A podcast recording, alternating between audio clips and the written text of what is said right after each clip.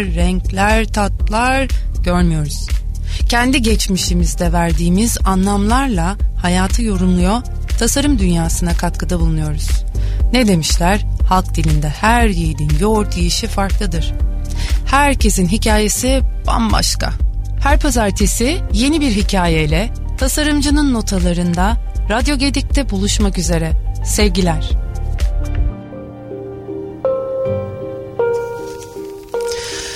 Günaydın sevgili Radyo Gedik dinleyicileri. Bir pazartesi daha konuk haftasındayız. Tasarımcının Notaları programında. Konuğum bu hafta İklima Şenol Mimarlığın kurucusu Mimar İklima Şenol Gönenç. Hoş geldin. Hoş bulduk. Öncelikli olarak dinleyicilerime sesimin bu halinden dolayı çok özür diliyorum. Artık bugün e, daha az konuşuyor olacağım. E, bugün sürdürülebilirlik üzerine konuşacağız. E, farklı ölçeklerde sürdürülebilirlik kavramını hani nasıl değiniriz. E, genelde hep hani galiba bugüne kadar bina ölçeğinde ve kavramsal olarak bir e, üzerinden geçtik. Bugün bir tık daha üst ölçekte, kent ölçeğinde, sanayi yapılarında, sanayilerde sürdürülebilirlik kavramı nasıl gelişiyor? İklimadan biraz onları dinleyeceğiz ama ben çok böyle merak ediyorum. İklima işte bu mimarlık süreci sonra sürdürülebilirlik konusuna nasıl dönüştü, nasıl buraya odaklanma fikri gelişti.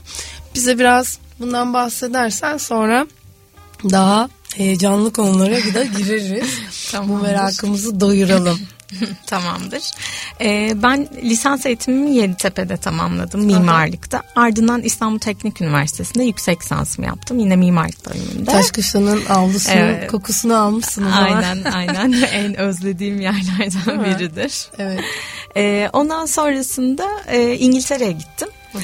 İngiltere'de e, sürdürülebilir mimarlık odaklı kentsel dönüşüm dersleri aldım. E, orada da BBC'nin bir yerleşkesi yapılıyordu Manchester'da. E, orada yeşil bina değerlemesi üzerine e, BREEAM üzerine çalışma fırsatım oldu. İngiltere'de bulunduğum süreçte işte e, yeşil bina değerlendirme sistemlerinde işte LEED, BREEAM gibi e, böyle değerleme sistemleri var. E, BREEAM de İngiltere e, tabanlı hı hı. bir değerleme sistemi. E, ben de oradayken işte BREEAM'in kurslarına katıldım. Sınav sınavlarını girdim. Projelerini teslim ettim. O dönem işte BREEAM e, assessment yapan bir firmada e, görev aldım. E, bu BBC'nin yerleşkesinde. E, ardından Türkiye'ye döndüm. BBC yerleşkesi deyince çok havalı duruyor kulağa. Ardından Türkiye'ye döndüm. Sonra işte e, bazı mimarlık firmalarında tecrübe edindim. 2015'te de kendi ofisimi açtım. Hı hı. E, tabii ben Türkiye'ye döndüğüm dönemde şey diyordum. Hep sürdürülebilirlik üzerine çalışacağım. Çünkü orada işte İngiltere'de bir emek verdim. Çok da ilgi duyduğum bir alan. E, sürdürülebilirliğin içine girdiğiniz zaman e, o e, neden böyle bir kavram ortaya çıkmış anladığınız zaman diyorsunuz ki dünyanın başka şansı yok zaten. Yani bu konuya emek vermek lazım. Her sektör, her kişi bu konunun Aha. bir ucundan tutması lazım diyorsunuz. E, Türkiye'ye döndükten sonra biraz iş hayatı beni farklı yönde şekillendirdi. E, çünkü gelen işler daha böyle işte o dönem Şelenkor ofisler çok teslim ediliyordu. Yani na tamam dediğimiz işte sadece e, duvarları olan e, ofisler çok teslim ediliyordu. Oraların içini e, yapmaya başladım. İç mimaride e, hı hı. E, aslında biraz tecrübe edindik. İşte diş klinikleri, eczanlar, muayenehaneler, e, işte ofisler çeşitli sektörler için e, bu konuda çalışmaya başladık ama öyle bir şey ki yani zaten sürdürülebilirlik kavramını bildikten sonra hani tasarımı bundan bağımsız değerlendiremiyorsunuz. Değil mi? Evet yani e, zaten siz gün ışığının ne kadar önemli olduğunu bilince işte oradaki konforu sağlamanın işte kullandığınız malzemelerin insan sağlığına ve işte çevre dostu olmasıyla ilgili bilinç bilinçlendikten sonra yani tasarımı bağımsızlaştıramıyorsunuz. Yani illaki adına e, ben sürdürülebilir mimarlık yapıyorum, bunun Aha. tasarımcısıyım demek değil. O felsefeyi özümsemek ve tasarıma yansıtmak kalıyor. Orada şeyi Hı-hı. merak ediyorum. Yani sadece parantez e, sen tabii devam edersen Hı-hı. çok mutlu olurum ama parantez içerisinde Orada aslında bu sürdürülebilir malzeme de dediğimiz zaman özellikle hı hı. iç mekanlarda e, bütçeyle ilişkilendirdiğin zaman bu malzemelerin e, fiyat karşılıkları bir tık daha yukarıda oluyor. Hı hı. Orada e, bu sefer de müşteri tarafını ikna etmeye bakıyor. Doğru. Değil mi? Doğru.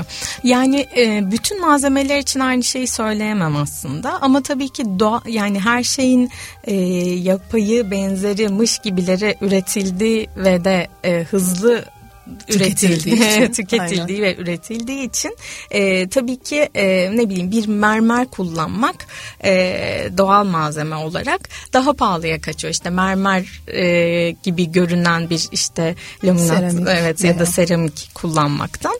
E, bu noktada evet ekonomik olarak biraz daha maliyetli çıkıyor. Onun dışında işte e, otomasyon sistemleri ondan sonra işte mekanik e, sistemler bunlarla ilgili de maliyetler çıkıyor.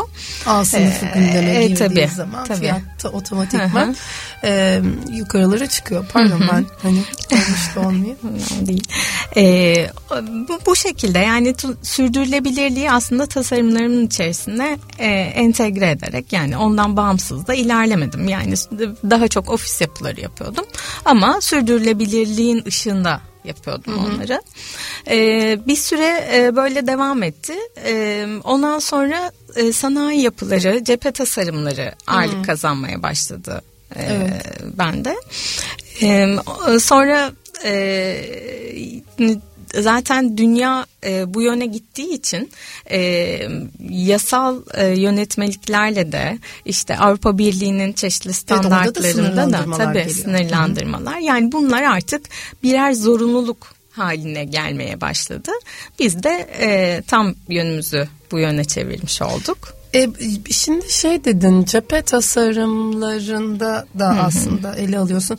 E, e, peki cephede e, sürdürülebilir bir yaklaşımla e, ele almaktan kastımız nasıl bir çalışma? Tem, oluyor. Temelde şöyle tabii bunun birçok parametresi olabilir tabii. ama temelde gün ışığını doğru kullanmak olarak yorumluyorum ben. Çünkü gün ışığını ne kadar doğru kullanırsanız e, enerji verimliliği o kadar çok sağlanıyor binada. İşte gündüz e, ışıkları yakmak zorunda kalmıyorsunuz. E, temelde cephe tasarımında bunu ve ısıl konfor. Isıl konfor da çok önemli. E, onun dışında ne örnek verebilirim? Kullanılan malzemelerden yine örnek verebilirim. Malzemeler her zaman. Malzemeler evet. E, devreye evet. giriyor. E, şeye gelecek olursa ben artık yavaş yavaş böyle konuya girmek istiyorum. Sürdürülebilirlik dediğimiz yani çok böyle kulağımıza da yapışan bir şey, yapışan bir e, kelime. E, bir karşılık bulmak istesek e, sen kendi deneyim ve tecrübende bunu e, karşılığını nasıl veriyorsun? Yani şöyle tanımlayabilirim. Kaynakların hızla tükendiği, nüfusunda hızla arttığı bir dünyada bu kaynakların gelecek kuşaklar tarafından da kullanılabilmesine olanak sağlamak. Yani bu kaynakları Ay, doğru bu kaynakları doğru şekilde planlamak e, ve gelecek kuşakların da kullanımına olanak sağlamak gibi özetleyebilirim. Peki biz burada üzerimize düşen görevler tabii ki var. Yani e, e, sosyal anlamda var. e, kullanım alışkanlıklarımız var.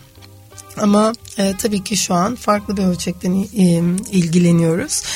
E, peki bu ölçeklerde yani kent kavramına geldiğimiz zaman kentin e, bu sürdürülebilirliği tamamıyla sosyal konudan bahsetmiyorum. e, onu e, e, sosyokültürel anlamda nasıl kent sürdürülebilir apayrı, apayrı bir, bir şey doğru. Apayrı bir konu. İçine politikayı da alabileceğimiz ki e, mümkün olduğunca bugün almayalım onu politikayı. E, evet tamamıyla fiziksel mekanla ilişkilendirirsek kent ölçeğinde bunu nasıl sağlayabiliriz? Sağlıyoruz. E, kent ölçeğinde e, aslında yeşil alanları çoğaltarak diyebilirim temelde. Hı hı. Neden? E, bugün mesela dünya şeye gidiyor, sür, sünger şehirlere gidiyor. Sünger şehirler şunlar. E, kentteki beton asfalt yüzeylerin sökülüp yerine yeşil alanların hı hı. oluşturulması. Ee, bunun, bunun bize faydası ne? Ee, bir kere e, yeşil doku yağışı emiyor. Dolayısıyla hı hı. bu işte su döngüsüne Kendi ürettiği oksijenle karbon döngüsüne hepsine katkı sağlıyor. E, do, yağış rejimlerini de etkiliyor. Şimdi biz e, Mesela evet, kuraklık yaşıyoruz. Evet ciddi bir kuraklık yaşıyoruz. Bize anlatsana. ne yapacağız? Bu işte iklim krizine karşı bütün önlemlerimizi alacağız. Yani hı hı. bu atık yönetiminden enerji verimliliğine, e, onun yani bütün konuları su yönetimine, hı hı. bütün konuları aslında içine alıyor. Zaten kent dediğiniz şey bir yaşayış yaşayışın mekanı değil mi kent? Yani insanlar ömürlerini Tabii. orada geçiriyorlar. Dolayısıyla e, kaynak kullanımının da asıl yeri yani baktığınız hı hı. zaman e, burada sürdürülebilirliğin bütün kavramlarını kendi içine alıyor kent. Yani yeşil dokuyu çoğalttığınız zaman e, sürdürülebilirliğe temelde çok ciddi bir katkıda bulunmuş oluyorsunuz. E, o yani suyu doğru yönetmek yani işte yağmur sularını tekrardan kullanabilmek evsel e, atıklardaki işte gri suyu hatta siyah suyu tekrar kullanabilmek. Bunların hepsi e, sürdürülebilirliğin e, önemli e, maddelerinden. Peki önlemler dedin yani kentin hı. hı. içerisindeki e, mesela nasıl önlemler alınırsa buna katkıda bulunabiliriz. Ee, yani bir üst ölçekte, bir... kurumsal ölçekte bence Hı-hı. bunun bir e, ele alma Hı-hı. alanı var. Hı-hı. Bir de bireysel ölçekte. Evet. evet. Ee, Başta eğitimlerim aslına bakarsınız. Yani eğitim eğitim çünkü e, sadece o jenerasyon değil sonraki jenerasyonun da e, yaşayış biçimini etkilediği için en başta eğitim derim atık yönetimi çok çok önemli. Yani bireysel olarak hane halkı ne yapmalı? Atığını ayrıştırmayı öğrenmesi lazım bir kere. Yani en başta kendi evimizdeki atıklarımızı da Ama e, ayrıştırmalıyız. Yok. Dışarıda da var aslında. Çoğalıyor. Yani evet her adım başı, her çöp gördüğümüz evet. E, çöpte Hı-hı. biz atığımızı ayrıştıramıyoruz ama eskiye oranla çok daha e, geri dönüşüm kutularını çok daha fazla görüyoruz. E, ee, ama bunun çoğalması lazım. Elbette ki çoğalması lazım. O zaman yani üst ölçekte bu alanların yani bu e, atık yönetimine bağlı e, bu çöp organizasyonlarının yapılması. Yani ya, buradan şöyle bir örnek verebilirim. E, gelişmiş ülkelerde e, bunun nasıl olduğu ile ilgili. Mesela İsveç örneği verebilirim. E, İsveç'te atıklarınızı e, kafanıza göre atamazsınız. Yani kağıt, plastik, e, işte e, gıda, işte organik atık, organik, evet, cam, cam hepsini ayrıştırmak zorundasınız. E, benim yaşadığım bir tecrübe değil ama bir arkadaşım anlatmıştı Stockholm'e yeni yerleşen Türkiye'den yeni giden Hı-hı. bir arkadaşım bahsetmişti. E, süt şişesini e, şey işte ayrıştırıyor ayrı bir e, şey kendi yerine atıyor işte plastik şişe Aha. bölümüne atıyor ama o attığı yerde e, fişini unutuyor. Bir, birkaç hafta sonra evine ceza geliyor Ondan sonra diyor ki yani ben bütün nutuklarımı ayrıştırıyorum yani nasıl gelebilir böyle bir ceza itiraz ediyor. Diyorlar ki yani sen yanında şey unutmuşsun kağıdını unutmuşsun fişi Kağıdı, unutmuşsun. Kağıt ayrıştırma Evet onu kağıda atacaksın. değil. Aynen ya da plastiğe değil yani hani onu kağıtta ayrı yere atacaksın. daha çok var tabii ki. Ee, ama e, bu ayrıştırma önemli bir meziyet. Ben yani kendi deneyimimden anlatacak olursam evet çöpleri belki ayrı ayrı yerlere aktarmıyorum ama ayrı poşetlere yani camlar ayrı plastikler ayrı olarak atıp toplamak isteyen onları bir şekilde toplar evet. hayaliyle bunu ayrıştırıyorum. Ee, peki kentin aslında esas senin hani çalıştığın ve uzmanlık o e, kurduğun alan sanayi sanayi ve ofis ve yapıları. ofis yapılarındaki sürdürülebilirlik. E, sanayi yapılarındaki sürdürülebilirlik e, konusunu biraz açar mısın? Sanayi yapılarındaki sürdürülebilirlik konusu aslında birkaç maddede ele almak lazım bunu ve neden sanayi yapılarında buna odaklanmak lazım oradan da bir bahsetmek istiyorum. Şimdi Avrupa Yeşil Mütabakatı denilen işte Green Deal kavramı var. E, bu çerçevede Avrupa diyor ki 2050 yılına kadar diyor karbon nötr bir e, sisteme geçmek istiyor. Yani şehirler karbon nötr olacak diyor. E, 2030'da da bir ara hedef belirlemiş. Hı hı. E, dolayısıyla e, şimdi Türkiye tabii e, Avrupa'ya en çok ihracat yapan yani ihracat yeri olarak en çok Avrupa'ya ihracat yapıyor. E, diyor ki eğer siz e, karbon vergisine e, tabi olmak istemiyorsanız sınırda karbon vergisi diye bir uygulama getiriyorlar. Hı hı. Buna tabi olmak istemiyorsanız karbon ayak izinizi ölçmeli ve bizim kriterlerimize uygun ürünler üretmelisiniz ve bunu da bize belgelendirmelisiniz diyorlar. E, tabii aslında ciddi bir kafa karışıklığı da var burada. Çünkü tarihlerde tam böyle hani e, net belli değil işte 2030'a kadar kesin geçiş yapılacak deniyor ama net böyle planlanmış e, tarihler e, yok burada. Sınırda karbon vergisi de şöyle Şimdi sanayi kuruluşlarını şöyle aslında iki aşamada ele almak lazım. Bir üretim kısmı bir de idari e, binası. E, üretim kısmı tamamen o e, ürettiği ürünün e, aşamalarını yani nasıl ürettiğinin aşamalarına özel hazırlanacak bir plan. Yani atıyorum işte alüminyum üretiyorsa farklı bir prosesi var. E, işte cam üretiyorsa farklı bir prosesi var gibi e, o sanayi kuruluşuna has bir çözüm bulunması lazım. Bu çözümlerde de genel itibariyle şunlara odaklanıyoruz. Enerji verimliliği. Hı hı. Yani e, yapıda e, kullanılan enerji tüketiminin azaltılması, e, işte enerji tasarruf ekipmanlarının kullanımı, e, ondan sonra aydınlatma sistemlerinin yenilenmesi, daha enerji verimli aydınlatma sistemlerinin kullanılması e, gibi şeylere odaklanıyoruz. Enerji verimliliği. İkinci olarak e, sürdürülebilir e, malzemelerin kullanılması. Sanayide. Evet sanayide. Yine malzemeler bildiğimiz malzemeler. Bildiğimiz malzemeler. Evet bildiğimiz malzemeler tabii sanayi yapısında e, sadece hani fabrika binasından bahsetmiyoruz. Sonuçta idari binada var. O idari binayı işte bir ofis gibi kurguluyorsunuz sonuçta. Tabii. O ofiste kullanılacak e, yapı elemanları, malzemeleri hepsi bunun içerisinde bir bütün olarak değerlendirmek lazım. E, çevre dostu üretim yöntemlerini kullanmak önemli sanayi kuruluşlarında. Yani çevreye zarar Yöntem veren atıkları. Yani şöyle çevreye zarar veren atıkların zaten yasal olarak düzenlemeleri var. Bu yasal düzenlemelere göre ayrıştırmaları.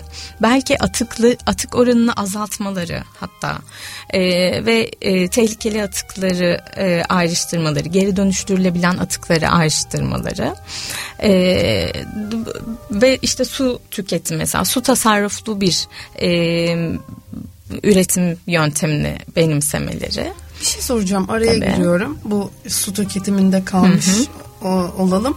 Sonra oradan devam ederiz. Hı hı. E, bu çevre dostu yöntem lerden bahsederken mesela e, e, işte e, atık ayrıştırması dedik. Mesela biz sanayi bunu örnek üzerinden açabilir miyiz? Mesela bir sanayi kuruluşu örnek aklıma gelmiyor şu an ama mesela bakır üretme ya da demir e, demir çelikle ilgili olan bir fabrika diyelim, bir sanayi yapısı diyelim. E, bunun mesela nasıl bir atığı olabilir ve o atığı nasıl ayrıştırabiliriz? Hı hı. Yani bu daha detay bir şey ama ben biraz daha onun detayında e, detay ile ilgileniyorum. yani şöyle aslında atık planlaması dediğimiz şeye giriyor sizin bu söylediğiniz. Hmm. İşte okay. e, Şimdi başta atık kaynaklarını azaltmaya yani e, biz bu üretim aşamalarında minimum atıkla nasıl üretim yapabiliriz? Bir buna odaklanmak hmm. lazım. E, atık türleri belirlenmesi lazım. İşte e, yani şeye göre değişir yani hani o belki daha evvelden şey, ele almış olduğun bir örnek çalışma üzerinden hani örnekleme yaparak e, aktarabilirsin. Yani yani aklıma çay geliyor, e, süt geliyor, hani gıda geliyor. Başka hangi sanayi? Şöyle bir şey yapabilirim mesela. E, ambalaj atıkları, Heh. işte üretimdeki e, ortaya çıkan atıklar. İşte mesela alüminyumdan bir örnek verebilirim. E, alüminyum e, üretilirken e, işte proses tamamlandıktan sonra neticede işte bir e, hurda ortaya evet, çıkıyor. Yani doğru. o hurdanın atılması değil geri dönüştürülmesi Hmm. esastır. Çünkü Camda da alüminyum evet şekilde. geri dönüşebilen bir malzemedir. Bunun gibi atıkların ayrışması. Ondan sonra zehirli atıklar e, kısmında e, bunlar zaten yasal düzenlemelere tabi. Yani tamamen bu yasal düzenlemelere uyulduğu zaman da zaten çevresel etkileri e, minimuma indiriliyor, yok ediliyor. Bunlara e, uyum e, sağlanmalı. E, onun dışında atıklarla ilgili e, atıkların işte toplanması, depolanması, ayrışması, bu tehlikeli atıkların yasalara göre düzenlenmesi ve bunun bir planının yapılıyor olması. Yani bu e, tesisten ne çıkacak, e, nereye, hangi atığı atacağız, nerede geri dönüştürülecek gibi bunun bir plan dahilinde yapılıyor olması önemli. Anladım. Ee, şimdi bir tık daha yerleşti ee, bende. Su tüketiminde kalmıştın e, aktarırken. Onun dışında e, ele alınan konular var mı su tüketiminin dışında? E, tabii yani işte enerji verimliliği, Hı hı, o- onları su tüketimi. aktarmış. Ya mesela şu bile çok önemli. Yani bir ürün çıktıktan sonra sonuçta paketleniyor değil mi? O Evet. ıı, paketlemede kullanılan ürünün bile geri dönüştürülebilir bir ürün olması. Ee, işte bu, bu bu bile önemli. Yani bu Aha. işte atık yönetimine de gire, girebilir. İşte e, fazlasının ne yapılacağının Doğru. organizasyonu ile ilgili. Sürdürülebilir malzeme kullanımına da girilebilir, girebilir. Çünkü onu geri dönüştürebiliyor muyuz? Yani burada bir paketleme malzemesi kullanıyoruz, ambalaj malzemesi kullanıyoruz. Onun nasıl geri dönüştürülebilmesiyle ilgili. Ee, şeyden programdan önce aslında bu well-being'den bahsetmiştin. Evet. Ee, e, bu well-being ve ofislerde bunun e, kullanılabilirliğiyle e, ilgilendiğini ve esas buna e, odaklı çalışmalar yaptığından bahsetmiştim. Ben e, e, evet duydum ama tam e, neyi içeriyor ve nasıl bir şey o, onu tam e, bilmiyorum. Onu senden dinleyelim mi? Olur. Ee, şöyle well-being kavramı aslında refah yani oradaki e, çalışma ortamında insanların refahını e, temel alan bir tasarım yaklaşımı. E, burada e, insan odaklı bir yaklaşım var. E, birkaç parametresi var bunun. Mesela işte fiziksel sağlık. Yani kullandığın mobilyanın ergonomisi, e, fiziksel e, sağlığa uygun şekilde yapılması, iç mekandaki hava kalitesi, doğal ışık, akustik performanslar işte iç mekandaki o e, sesin e, akustik olarak yani akustik düzenlemelerin yapılarak onu böyle bir gürültü kirliliğine dönüşmesinin önüne geçilmesi. E, kullanılan malzemelerin sağlıklı insan sağlığına zarar vermeyecek malzemeler olması gibi. Fiziksel sağlık diye bir maddesi var Wellbeing'in. E, bunun dışında zihinsel sağlık var. Şimdi tabii e, hepimiz ne yazık ki öyle stresli çalışma koşullarındayız. İşte bir böyle bu hızlı tüketimin de getirdiği bir e, şekilde hızlı üretmeye çalışıyoruz sürekli. Evet, zamanla E, evet, yarışırcasına zamanla, adeta. evet, aynen öyle. Zamanla yarışıyoruz. Dolayısıyla e, buna ekonomik faktörler de et- etkilen, eklendiği zaman ciddi bir e, stres yüküyle aslında e, o çalışma ortamımızda karşı Doğru. karşıyayız. E, dolayısıyla bu zihinsel sağlıkta da well-being'de şöyle der. E, işte açık yeşil alanlar, yine doğal ışık ve renklerle hani mimaride kullandığımız renklerle bunların e, dengelenmesi e, gerekir well-being kavramıyla yaklaştığınız bir tasarımda. Ee, onun dışında sosyal bağlar yani işte çalışanların birbirleriyle iletişim kurabilecekleri, sosyalleşebilecekleri mekanların e, tasarlanması ofis alanlarının içerisinde ve o çalışan kişilerin e, kişisel gelişimine de katkı sunabilecek mekanların olması. Mesela işte okuma köşesi hani bir kütüphane değil belki ama işte bir kitaplık bir okuma köşesinin olması. İşte kendi araştırmalarını yapabileceği alanlarının olması e, gibi kişisel gelişime de katkı sunabilecek ortamlar. Ya da e, işte kurumsal çok kişinin çalıştığı alanlarda e, konferans odalarının olması ve işte oralarda seminerlerin düzenlenmesi gibi. Hı hı. E, bunların hepsinin ışığında e, yaklaşırsınız tasarıma. Wellbeing kavramı aslında insan odaklı, e, çalışanların konforlu, rahat ve böyle insani koşullarda yaşayabileceği mekanların tasarlanması demektir. Aslında sürdürülebilirlik kavramından da çok bağımsız değerlendirmiyorum bu kavramı. Çünkü günün Tabii. sonunda çok ortak şeyleri de hizmet ediyorlar. Ortak amaçları da hizmet ediyorlar. Ee, mesela doğal ışık kullanımı. Doğal ışık kullanımı insan sağlığına yararlı bir şeydir. Ama bir yandan da enerji verimliliği için de çok kıymetlidir. Dolayısıyla sürdürülebilirliğe de hizmet eder bu noktada. Hı hı. E, sağlıklı e, ürünlerin kullanımı, işte malzemelerin kullanımı mesela.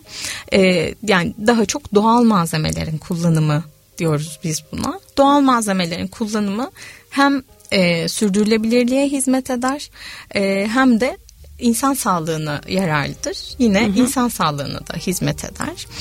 E, atık yönetimi ne zaten. gelelim zaten. E, o, e, o dolan, sürekli oraya evet, geliyoruz. Oraya atık geliyoruz. yönetimine geliyoruz. Evet, geliyoruz. Geliş aslında, gelişme sonuç gibi. Evet atık yönetimine geliyoruz ama aslında e, insan olarak yani bireysel olarak da ilk yapabileceğimiz şey bu. Yani Hı-hı. çünkü hani sıfır atık ya da işte atıksız bir yaşam yani hani sonuçta bir bir şeyler tüketiyoruz değil mi? Yani bir atık hı hı. çıkıyor yani neticede ve e, bir sisteme entegre etmektense ya da bir böyle işte ne bileyim aydınlatma sisteminizi değiştirmek, işte sağlıklı bir malzemeden yapılmış mobilyalar vesaireler kullanmak falan gibi şeydense ilk yapabileceğiniz şey atık yönetimi. İlk öğretebileceğiniz şey de atık yönetimi.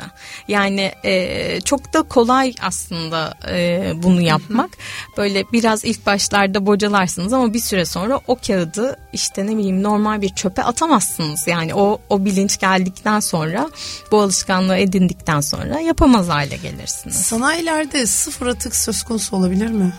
Ya sektöre göre değişir ama tabii sıfır atık diyemeyiz. Çok iddialı. Evet tabii. tabii. Çok iddialı. iddialı. kendi aldığım notlara şöyle bir bakıyorum da aslında e, farklı ölçeklerdeki e, bu sürdürülebilirlik kavramına değindik. E, biraz işte hem kendi toplumumuzdaki hem işte yurt dışındaki örnekleri böyle bir süzgeçten geçirdiğimiz zaman e, yani nerede kalıyoruz demek çok doğru değil ama e, yani e, bildiğimiz bir gerçek. E, fakat e, yurt dışındaki hoş İsveç'teki örnek çok ekstrem bir örnek.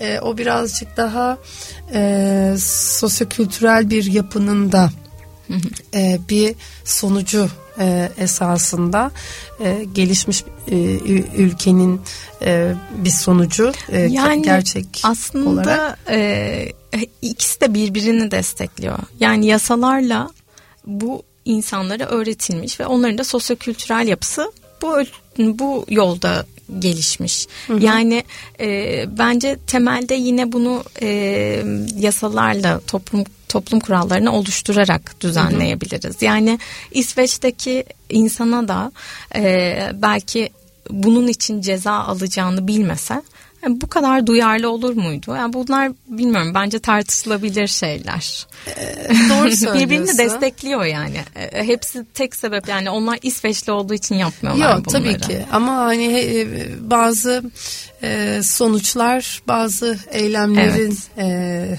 e, de gerektiriyor gibi gibi. Peki ama e, e, oradaki örnekler üzerinden öğreneceğimiz, adapte edebileceğimiz konular var mı gözlemlediklerin kadarıyla?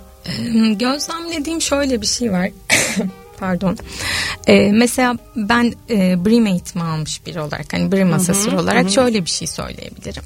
Ee, bu değerleme kriterlerinin içerisinde sadece e, yapının e, yeşil bina kriterlerine göre yapılması yani işte sürdürülebilir malzeme kullanımı işte e, sahaya gelen malzemenin işte karbon salınımı ya da işte kullanılan mekanik elektrik sistemlerin e, sürdürülebilirliğe ne ölçüde katkı sağladığı vesaire konularının dışında o yapıda yaşayan insanların da hayatlarını sürdürülebilirlik kriterlerine göre e, yaşamalarını hedefleyen bir yaklaşımları var ve bu Breen sistemi şey değil yani e, İngiltere'de yapılan her yapı için e, kullanılması gereken kriterler bunlar. Şöyle bir örnek verebilirim. ATM, ATM çok böyle günlük ihtiyaçlarımızın içinde olan bir kavram değil mi? ATM'ye diyor mesela binayı değerlendirirken ATM'ye olan uzaklığı bir kriter. Çünkü sen e, arabayı çalıştırıp ya da bir top taşıma aracına binip ATM'ye gitme. Niye karbon salınımı yapma? Bu senin günlük hmm. bir ihtiyacın. Markete mesafesi ya da bisiklet yollarıyla Yerleşim planlarının düzenlenmesi evet, de evet. bununla alakalı. Kent evet. ölçeğinde ele evet, alınacak evet. ayrı bir Aynen. konu. E, bu enteresan. Hı -hı. E, e, programın sonuna geldik bu arada. E, ben kapatmadan e, evvel e, sana da sormak istiyorum. Tasarım senin için ne demek? E, tasarım benim için tabii mimari tasarımcı olduğum için e, direkt e, yaşam şekillendirmek diyebilirim. Aha. Kısa, evet. bir e, cevapla teşekkür ederim. Oldukça ben teşekkür ederim. Keyifli bir, pro- bir program oldu benim için. Çok Her teşekkür ne kadar ederim. sesim normal e, ses ayarlarında olmasa da e, programı yine kapatırken e, e, İklima'nın e, kendi seçtiği şarkı ile kapatıyor olacağız. E, Vaya con Dios'tan e, gelecek. Don't Cry for Louis. Ben onu direkt Don't Cry for Me Argentina diyesim geldi. Önce bir o, o zannetmiştim ama değilmiş. Ee, hep beraber dinleyeceğiz. Katıldığın için ayrıca çok teşekkür ediyorum. Ben çok teşekkür ederim. Ee, sevgili Radyo Gedik dinleyicileri e, önümüzdeki hafta playlist haftasıyla karşınızda olacağım. Herkese şimdiden iyi haftalar diliyorum. Ee, önemli bir hafta. Herkesin doğru kararları vereceği bir hafta. Ee, şansımız bol olsun. Ee, görüşmek üzere diyorum. Hoşçakalın.